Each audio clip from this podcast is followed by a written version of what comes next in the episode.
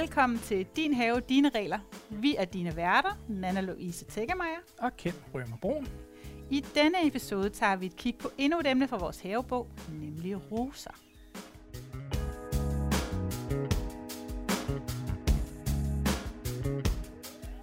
Ingen have uden roser, for roser bidrager med en helt unik og meget lang blomstring. I denne episode giver vi dig nogle af vores bedste tips til pasning af roser. Vi har også nogle gode forslag til, hvordan du kan gøre arbejdet nemt for dig selv, uden at gå på kompromis med skønhed og frodighed.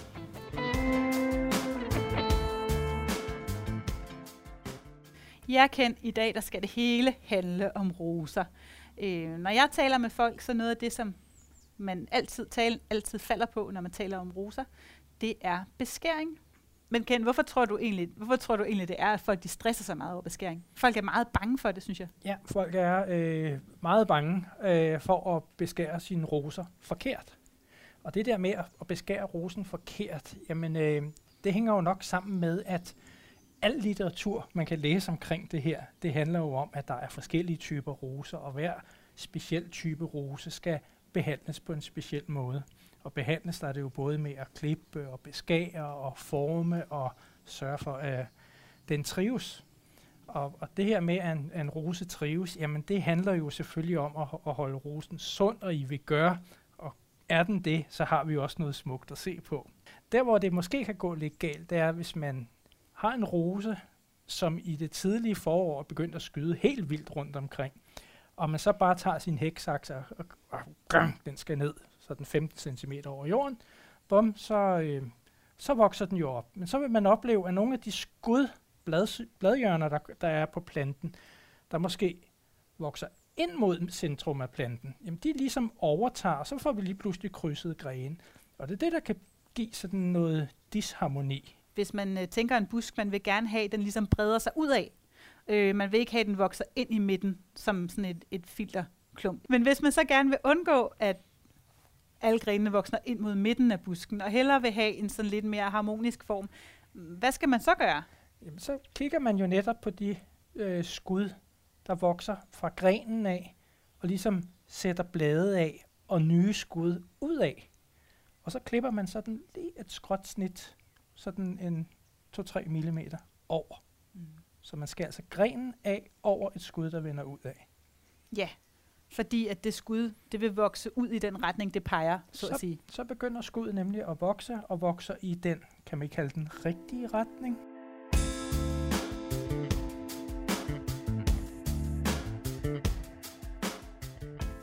Skal roser egentlig beskæres kendt? Jamen, lad os prøve en gang at skære det ud i pap. Ingen roser behøver beskæring. Så er det ligesom på plads. En rose, der ikke bliver beskåret, skal nok blomstre.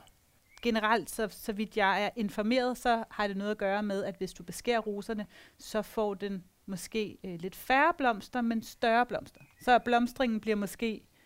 Øh, ja, blomstringen bliver flottere, fordi det er større blomster, der er på, hvis det giver mening.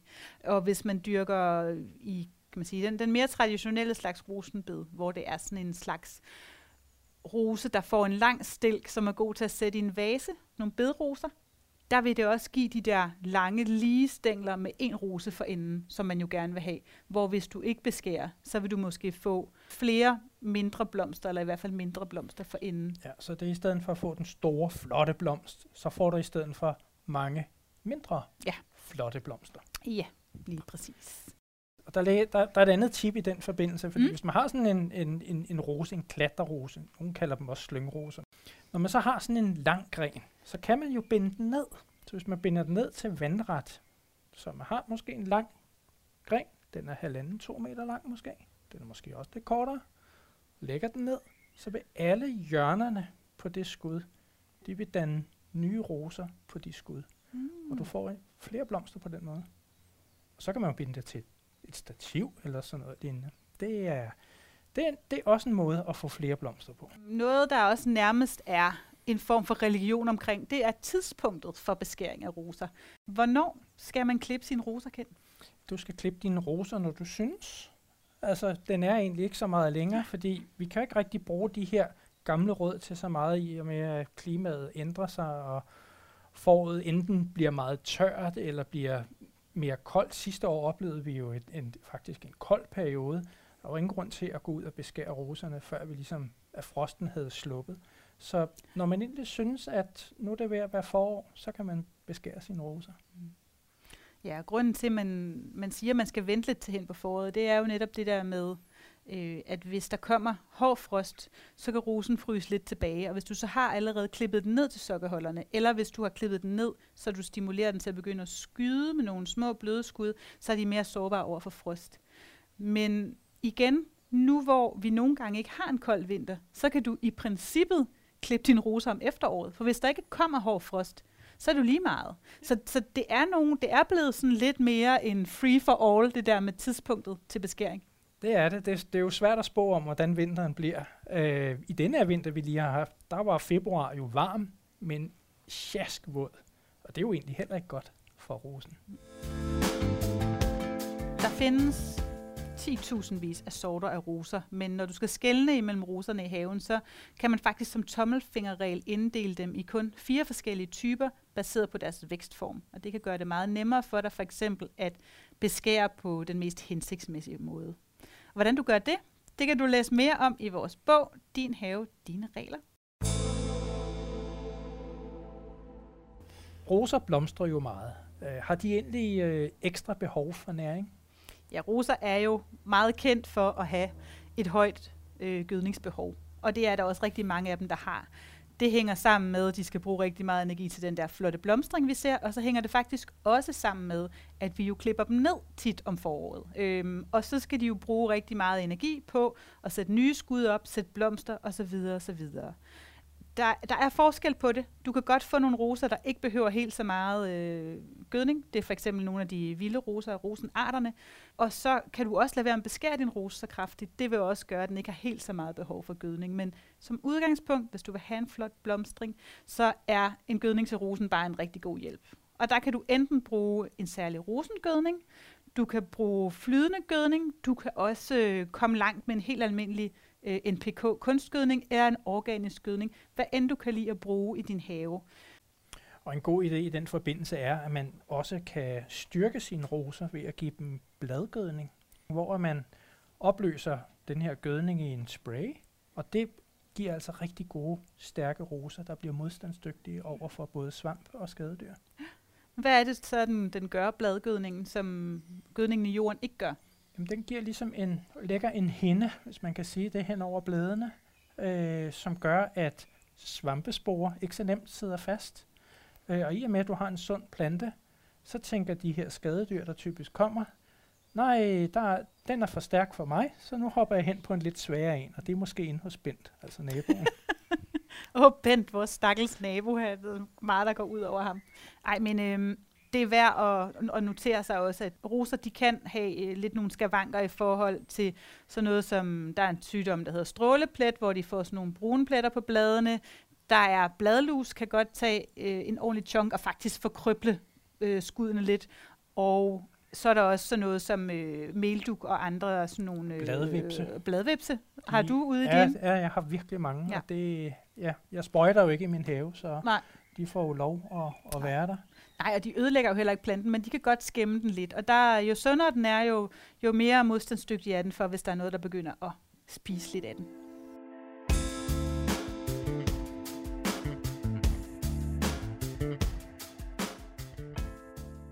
Nu har vi snakket lidt om gødning til roserne, men hvad med sådan noget som vanding? Ja, roser har brug for vand. Den er egentlig ikke særlig meget længere. Øh, men igen, ligesom med andre planter, at når man vander, skal man ikke chatvande så skal du vande i bunden. Det vil sige, at du tager en, øh, en kande, 10 liter, og mokker ud over øh, rosen. Og det gør man selvfølgelig kun i tørre perioder. og så gør man det måske en gang om ugen. Mm-hmm. Øh, det er nok til at, at holde rosens jord fugtig. Jeg har også hørt et tip om på et tidspunkt i forhold til risikoen for melduk, som er det her hvide lag på bladene, som roserne kan få i løbet af sommeren, det kan man faktisk modvirke ved at vande om foråret, fordi det kommer, hvis planten faktisk har været tørstig i foråret. Og nu hvor vores forår er ekstra tørt, så er det også et tidspunkt, man skal være opmærksom på at vande sine roser. Det er ikke kun i højsommeren. Nej, lige præcis. Og øhm, man kan så også sige, at nyplantede roser, eller forholdsvis nyplantede roser, de er også mere tørstige end etablerede roser. Så har man først en rose, som, som kører, så kører det som regel, så behøver man ikke at vande. Og det leder os direkte videre, for nu sagde du nyplantede roser, og vi har jo også øh, tænkt os, at vi ville snakke lidt om plantning af roser i haven. Ja. Med roser, der er det på den måde, at de, de forhandles ligesom i to former, kan man sige. Du kan enten købe dem i en potte, det er typisk om foråret eller sommeren, du køber dem, hvor der, så kan du se blomsterne der er på. Men du kan også købe dem som såkaldte barrodsplanter. Dem køber du sidst på sæsonen, når øh, roserne er uden blade og er i dvale. Og de er kun til salg i den periode. Så du kan ikke komme til at købe dem på et forkert tidspunkt, for du simpelthen ikke købe dem uden for den periode, hvor det giver mening at plante dem. Jeg vil sige, jeg har jo rigtig god erfaring med at plante barrodsroser. Mhm. Mm. Det er simpelthen de sundeste planter, jeg har i haven. De, som de kommer bare bedre fra start. De ser jo ikke ud af meget i starten, men, men øh, jeg har også kun hørt, at det giver bedre planter at vælge dem. Men det kræver jo så, at man ved, hvad man går efter. Man kan jo ikke rigtig se rosen. Nej, det kan det man tidspunkt. ikke. Man, man skal vide, hvad det er, man, man har med at gøre, men der findes masser af sorter øh, derude, som kan få som barrodroser. Så øh, stafetten er givet op. Det er bare ud og dyrke markedet op, og så finde øh, sine nye favoritter. Når vi så skal plante sådan en rose, hvad skal man så tage højde for? Man kan jo godt læse nogle steder, at der skal vi bruge et kæmpe stort, altså 90 liter stort hul, fordi der skal masser af god jord i osv. Men er det egentlig nødvendigt? Altså, det kan jo aldrig skade, især en lidt sulten plante som en rose. Så ja, hvis du har energien til at plante et gigantisk hul og fylde det med noget dejligt omsat hestemøg, så gør det da endelig. Men mindre kan også gøre det, vil jeg sige. Ja, en, en af de ting, jeg har rigtig god erfaring med, det er, at man lige tilfører lidt ekstra af de her øh, mycorrhiza-svampe, som jo findes naturligt i, i jorden øh, rundt omkring i alle vores haver. Men her kan man altså købe den i sådan koncentreret form, i pilleform, øh, så man kan drysse ud og drysse ned og blande i jorden, for det skal blandes i den jord, man planter. Og det hjælper simpelthen rødderne til at optage mere næring. Det er jo simpelthen dødsmart. Så hvis man vil gøre lidt ekstra for det, så sørger man for at bruge mycorrhiza-svampe. Ja.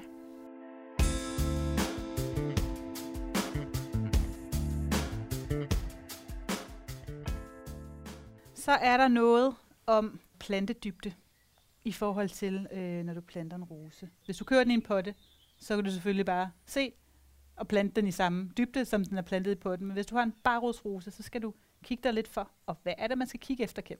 Jamen, øh, man har jo typisk et podested på sådan en rose, og dem kan man jo tydeligt se på en barrodsrose, fordi der er jo ingen jord, der dækker op over. Mm.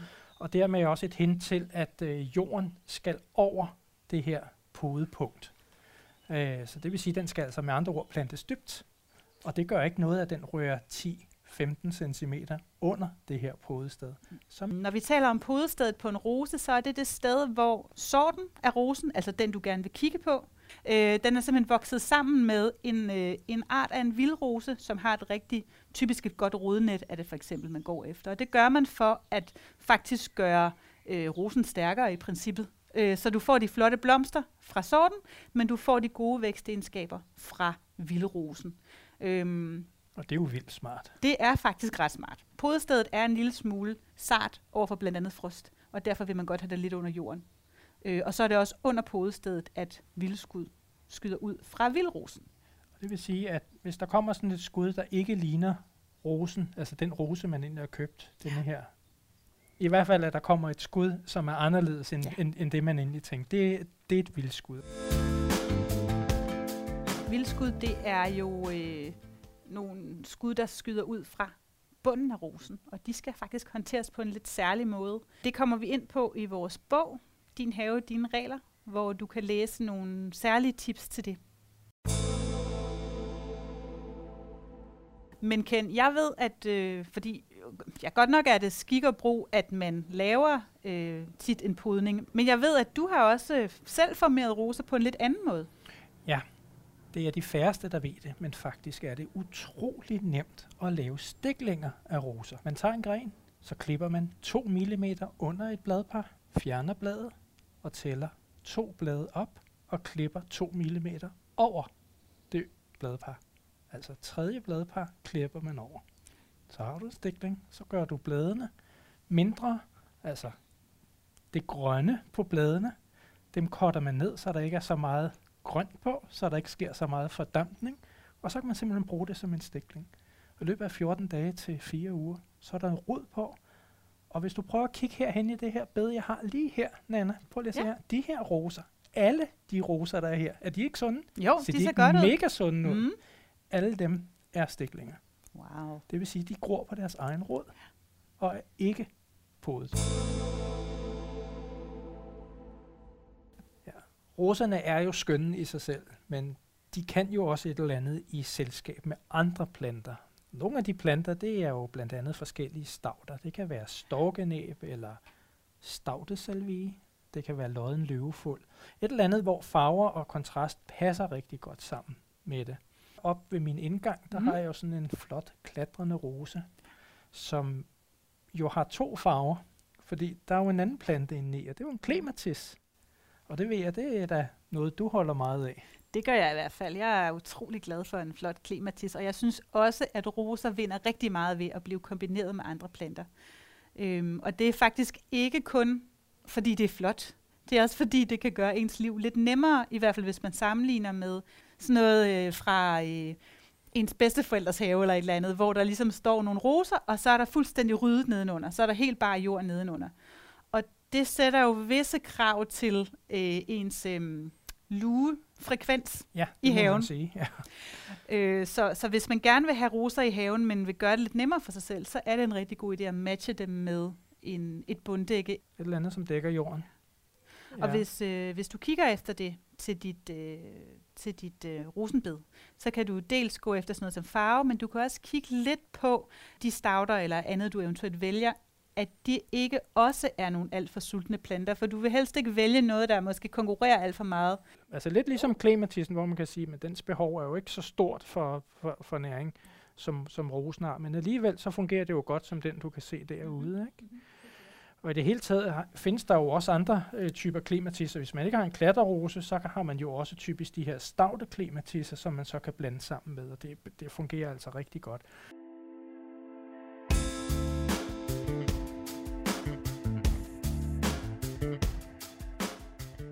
En ting, som jeg synes er rigtig vigtig ved roser, det er jo duften. Jeg synes, at øh, det virkelig er noget, der, øh, der gør dem helt unikke som plante. Hvad siger du? Jamen, man bliver bare i godt humør, når man går forbi en, øh, en rose, og man kan dufte de, den her æbleduft, der jo er. Det er jo sådan, man kan jo godt fornemme, hvis man lukker øjnene, at den er i familie med, med æblet. Ikke?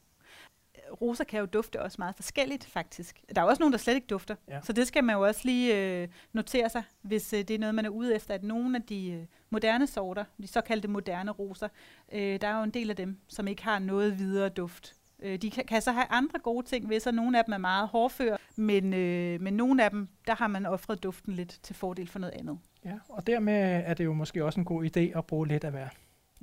Så, så inden man køber en rose, så er det i virkeligheden meget godt, øh, dels så selvfølgelig at lave sine lektier, læse lidt op på, passer den i ens have, har man plads til den, hvor stor bliver den, men egentlig også bare komme ud og opleve den, og komme ud og opleve en masse forskellige. Og der ligger der heldigvis øh, både flotte parker og rosenhaver rundt omkring i Danmark.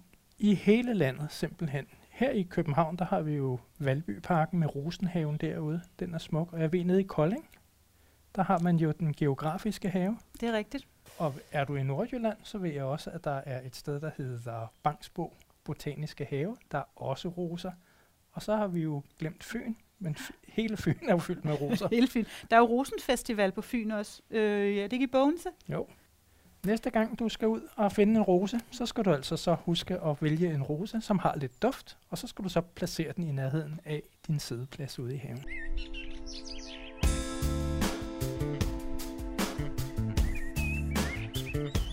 Nå Nana, så fik vi en snak om roser og hele universet. Næsten hele universet. Ja, altså man kan jo kun nå at døbe tæerne lidt i universet, kan man sige her i løbet af sådan en podcast, men jeg håber, at jer, der lytter med derude, har fået lidt lyst til at kigge lidt nærmere på rosernes verden. Der er masser af muligheder, så det er bare om at komme afsted. Tak for, at du lyttede med. Ja, vi håber, at vi høres ved snart igen. Hej hej.